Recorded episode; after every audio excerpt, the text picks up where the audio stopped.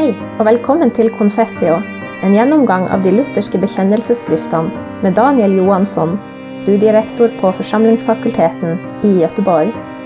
Podcasten är producerad av foross.no. Det är pingstdagen idag och vi ska innan vår gudstjänst fortsätta med vår genomgång av våra lutherska bekännelsetexter. Och passande nog så är det den nicenska trosbekännelsen vi ska stanna inför en stund idag. Det är i den som vi har lite längre formuleringar om vad vi tror om den helige Ande. Ehm, för er som är med och lyssnar så finns den nicenska trosbekännelsen i de allra flesta eh, psalmböcker så där kan man slå upp den. I, I psalmboken här i kyrkan så står den näst längst bak på den näst sista sidan. Den isenska trosbekännelsen, till skillnad från den apostoliska, den kan vi eh, datera väldigt säkert. Den nicenska trosbekännelsen blev formulerad vid två stycken kyrkomöten i den tidiga kyrkan. Den är uppkallad efter kyrkomötet som ägde rum i Nicea år 325. Nicea finns i dagens Turkiet. Eh, men ska vi vara riktigt noggranna så borde vi egentligen kalla den för en Niceo-Konstantinopolitanska bekännelse, men det är inte så roligt att säga det. Låt oss nu stå upp och bekänna den Niceo-Konstantinopolitanska trosbekännelsen, så därför förkortar man alltid det till den nicenska. Eh, det var nämligen så att den första delen, det som handlar om Gud Fadern och Jesus Kristus, det formulerade man vid mötet i Nicea. Men, det som, men sen så slutade man efter att man har sagt att man tror på den helige Ande och så satte man punkt. Och fortsättningen som kommer efter den helige Ande, Herren och livgivaren som utgår av Fadern och Sonen och så vidare. Det formulerades sedan vid det eh, kyrkomötet som ägde rum 381 i Konstantinopel, dagens eh, Istanbul. Eh, för att förstå den nicenska trosbekännelsen så måste man veta någonting om, om dess bakgrund. Och i, i bakgrunden finns att det under slutet av 200-talet och början på 300-talet uppstod stridigheter i kyrkan om hur man skulle förstå vem Jesus var, vem han verkligen var. Och, och frågan det ytterst sett handlade om, det var om Jesus var Gud på riktigt eller inte. Det hade i och för sig man diskuterat vid flera tillfällen under eh, århundraden som föregått. Det nya var att det här var ingen diskussion mellan teologerna utan det sipprade ner till lekfolk så att folk eller kristna då som tillhörde olika grupperingar, de kunde gå omkring och uttala olika slagord till varandra beroende på vilken position man tog. Ehm, den här striden förknippas med ett par personer. Med Arius som var en präst i Alexandria. Han förnekade att Jesus var sann Gud och hans huvudmotståndare var en annan präst eh, i Alexandria, Athanasius. Och den strid som utbryter där i Alexandria den sprider sig så småningom till hela kyrkan och orsakar en stor oro. Kyrkan är vid den här tiden ganska stor. Eh, när vi kommer en bit in på, på 300-talet så är förmodligen en majoritet av invånarna i huvudstaden Rom redan kristna. Och sen är Konstantin blir kejsare eh, och också accepterar den kristna tron. Eh, då tycker han att det kan inte vara så här, nu måste vi få lugn och ro i kyrkan. Så att han bidrar till att det blir ett kyrkomöte där man ska ta upp frågorna och, och försöka lösa de här stridigheterna. Vad var det då Arius lärde? Jo, han tänkte sig att Jesus, eller Guds son, var preexistent, det vill säga han existerade innan han blev människa i Marias moderliv. Men han hade inte alltid existerat som Gud Fadern, utan sonen hade i tidigt blivit skapad. Han är skapad, han är preexistent, men han är inte från evighet. Eh, och eh, då de, om det var Arius själv eller de runt honom, de formulerade ett, ett, eh, ett slagord som man kunde höra i städerna vid den här tiden. En potte hotte ok en gick folk omkring och sa. En hotte, nej, en potte hotte ok en. Och det betyder, det fanns en tid när han inte fanns. Det fanns en tid när han inte fanns. Och det här ledde till att, att Kristus kom att uppfattas som ett mellanväsen mellan Gud å ena sidan och människa å andra sidan. Men hur kunde Arius då eh, liksom förklara när Bibeln talade om Jesus som till exempel Gud? Jo, då menade Arius att det var bara en hedersbenämning. Det betyder inte att han var Gud på riktigt, men det var en hedersbenämning som Kristus hade fått ifrån Gud. Det riktades kritik mot Arius då av bland annat Athanasius. Och eh, han anförde framförallt två stycken argument emot Arius.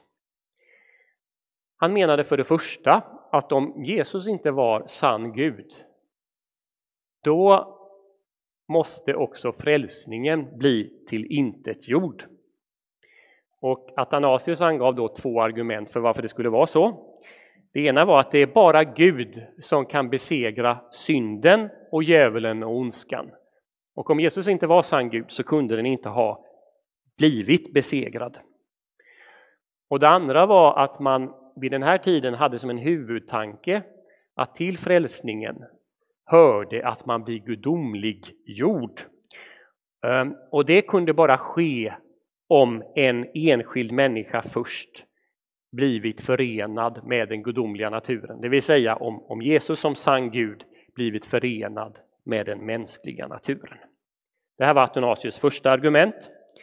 Och det andra, ett väl så viktigt argument, det var att Athanasius påpekade för Arius att du tror visserligen inte att Jesus är sann Gud, men likväl så tillber du honom i gudstjänsten, du sjunger sånger till honom, du ber till honom, upphöjer och lovar honom. Om det är som du menar så har du infört en månggudadyrkan om inte Jesus samtidigt är den enda sanne guden, för då dyrkar du två gudar. Striden som följde var i hög grad en, en bibelstrid. Det handlade om några enstaka ställen i Gamla och Nya testamentet som man diskuterade. Och vi kanske idag kan tycka att det är lite märkliga ställen, men de var viktiga då. Det ena var Ordspråksbokens åttonde kapitel och 22 vers där det talas om visheten. Och alla var då överens om att visheten som beskrivs här, det var Guds son innan han blir människa. Frågan var egentligen hur man skulle översätta ett hebreiskt verb som heter kana. För det ordet kan betyda både föda och skapa och äga. Arius menade att vi ska översätta att visheten har blivit skapad medan Athanasius översatte och den kyrkliga majoriteten med föda. Det andra stället eh, från Kolosserbrevet 1.15. Där står det ordagrant hela skapelsens förstfödde. Och då var frågan, hur ska man förstå det? Arius menade att det betydde att Jesus var den som hade blivit skapad först. Medan den kyrkliga majoriteten menade att det betydde att Jesus bokstavligen var född före skapelsen, så som vi bekänner att han är född av Fadern. Nu ser vi lite närmare på, på den text som, som så småningom man, man eh, fattade beslut om och anslöt sig till. Och då kan ni först minnas den apostoliska trosbekännelsen som vi gick igenom förra söndagen. Om ni skulle lägga den bredvid den nicenska så skulle ni se att det är samma struktur. För man har i praktiken utgått ifrån den apostoliska trosbekännelsen och sen lagt till en rad förtydliganden. Ehm, och notera nu först att man bekänner, jag tror på en enda Gud, allsmäktig Fader inte som i den apostoliska, jag tror på Gud fader, utan nu slår man fast, jag tror på en enda Gud. Alla är överens om att det finns bara en enda Gud. Frågan är bara hur den guden ska förstås. Ehm, och sen så kommer vi då till bekännelsen av, av Jesus. Då står det först om honom att han är Guds enfödde son. Det var alla överens om. Men sen så kommer en, en särskild tolkning av vad hans födelse innebär. Född av Fadern före all tid. Han är inte född i tiden, i, när skapelsen börjar, utan han är född före all tid. Det är så man förstod Kolosserbrevet 1. Och så står det, vilket jag tror en del av er har, har funderat över många gånger, ljus av ljus. Varför står det så? Jo, det hade sedan hundratalet varit vanligt att man förklarade förhållandet mellan Kristus och Gud Fadern med hjälp av ljus. Man hade liknat Fadern vid solen och Sonen vid de strålar som utgår ifrån solen. Det är samma, men likväl åtskilt. Och det slår nu bekännelsen fast, ljus av ljus. Och sen för att riktigt markera att Jesus är inte Gud på något annat sätt, eller bara kallad för Gud, så säger man sann Gud av sann Gud. Han är född, vilket är en annan sak än att vara skapad. Det är riktat emot eh, Arius. Och så långt så använder bekännelsen språk som vi hittar i Bibeln.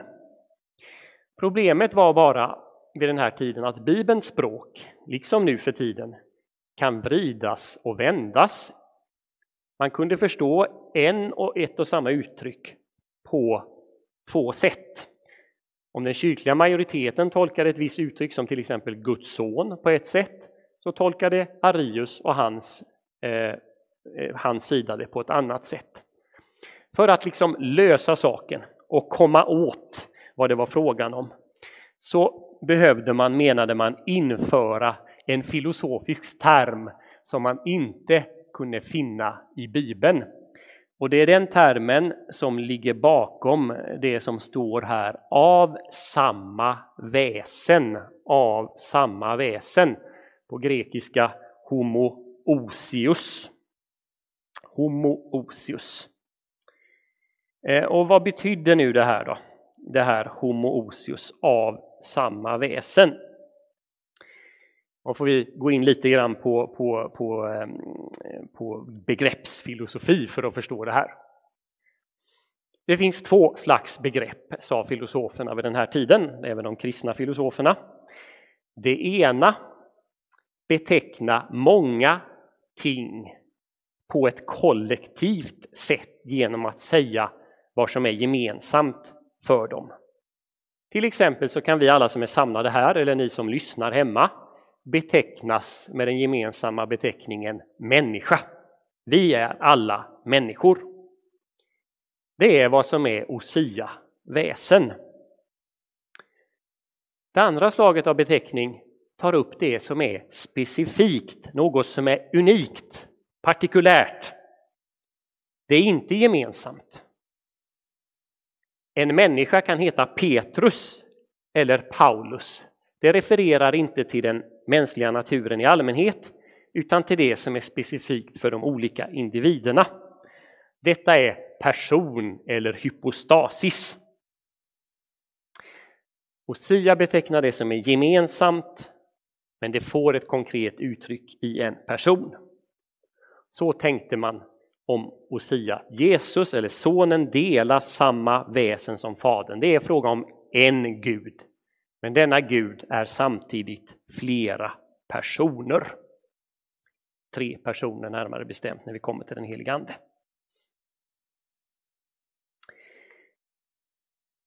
Sen har vi en formulering till vi ska Eh, nämna och det är den här lite jobbiga formuleringen när man bekänner den isenska trosbekännelsen. Man är, tror att man är färdig med att ha bekänt det som handlar om sonen.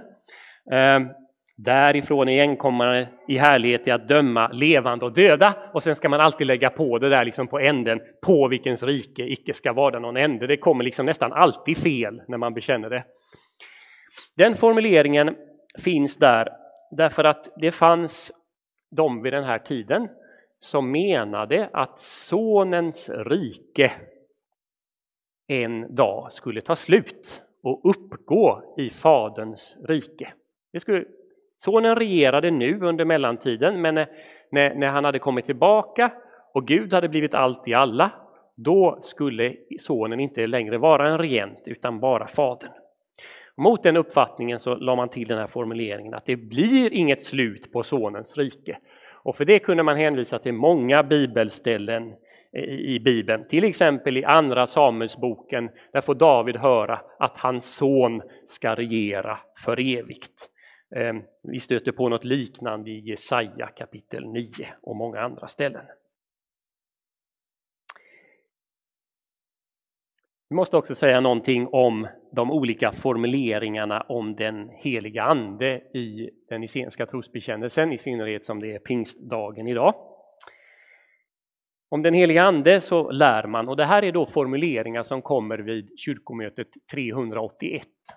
Därför att under tiden så hade det uppstått några grupper i kyrkan som menade att anden inte var sann Gud eller att anden bara var en kraft.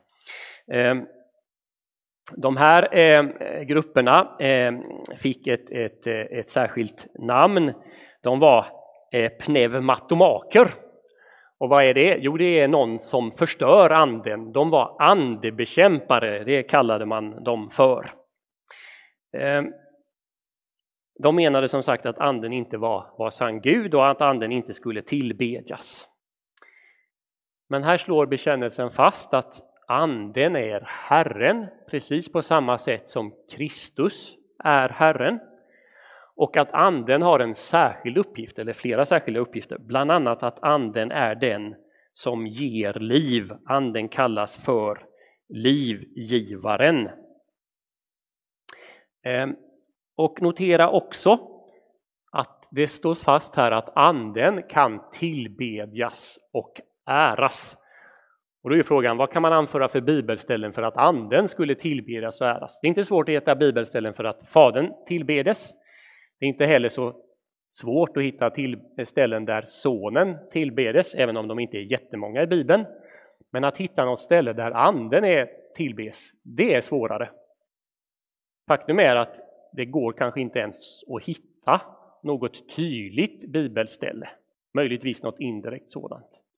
Men det här var en slutsats som man drog därför att om anden är sann Gud, då måste ju anden tillbedas till lika med Fadern och Sonen och äras. Så det är mer en slutsats man drar än att man kan anföra ett specifikt eh, bibelställe. Och, och, nu är det så här att man i den kristna kyrkan idag är ganska van vid att be direkt till anden. Vi har ganska många andesalmer.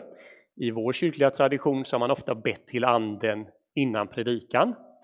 Och, och i, i, mer karismatiska traditioner ber man kanske mer regelbundet till anden. Men i den kyrkliga traditionen som går långt tillbaks i tiden så har man, även om man har sagt att vi kan tillbedja anden, så har man inte specifikt riktat så mycket bön till anden, utan det har funnits ett bönemönster i vilket man har bett till Fadern genom Sonen i den helige Ande. Och det mönstret har vi till exempel i våra kollektböner, i den kollektbönen som vi idag ska bedja eh, på pingstdagen, så har vi precis det bönet. Man ber till Fadern genom Jesus Kristus i den helige Ande. Vi noterar också om den heliga Ande att det står att Anden utgår av Fadern och Sonen. Och det är ett sånt här liten eh, kontroversiell utsaga. Ehm, faktum är att det stod inte så i den niceno-konstantinopolitanska bekännelsen från början, utan det var så, och jag får nog säga så här, att teologerna i väst hade fräckheten att lägga till det där som utgår av Fadern och Sonen. Man la till orden och Sonen. Inte därför att jag tror att det är fel, jag tror att det är riktigt och bibliskt att den heliga Ande utgår ifrån både Fadern och Sonen. Men det var kanske så att västteologerna borde samlat teologerna från öst och, och så kommit överens om man kunde lägga till det eller inte. Och teologerna i öst de har alltid varit motståndare. Men jag tror att de kanske mest har varit motståndare därför att västteologerna la till det utan att fråga. För det var ju faktiskt en gemensam bekännelse för alla kyrkans teologer i öst och väst, norr och söder. Men i den västliga traditionen har vi alltid sagt att anden utgår av Fadern och Sonen. Och eh, eh, på latin blir det filioque. Och det är därifrån vi har eh, hokus pokus har vi inte men väl filiokus. Det kommer ifrån detta uttryck fili och sonen. Så, så, nästa gång, vi säger idag när vi ska bekänna det och vi kommer till utgår av Fadern och Sonen så kan ni tänka filiokus i huvudet så kommer ni ihåg, kommer ni ihåg det. Eh, det sista vi noterar innan vi, vi slutar det är formuleringen Jag bekänner ett enda dop till syndernas förlåtelse. Här får vi ett tydligt omnämnande av ett av våra sakrament. Det har vi inte i den apostoliska. Och det som då nämns, det är ett dop till syndernas förlåtelse. Det vill säga att dopet ger syndernas förlåtelse. Att det är grunden för all syndaförlåtelse man får som kristen. Och vi ska se när vi kommer till Luthers lilla katekes så småningom hur han utvecklat det här till tanken att att syndernas förlåtelse handlar om att man ständigt återvänder till sitt dop. Tack för att du hörde på Confessio. Vi tillbyr också andra podcaster, för exempel Table Talks, som går gjennom alle søndagstekster i kirkeåret. Besök oss gjerne på foross.no.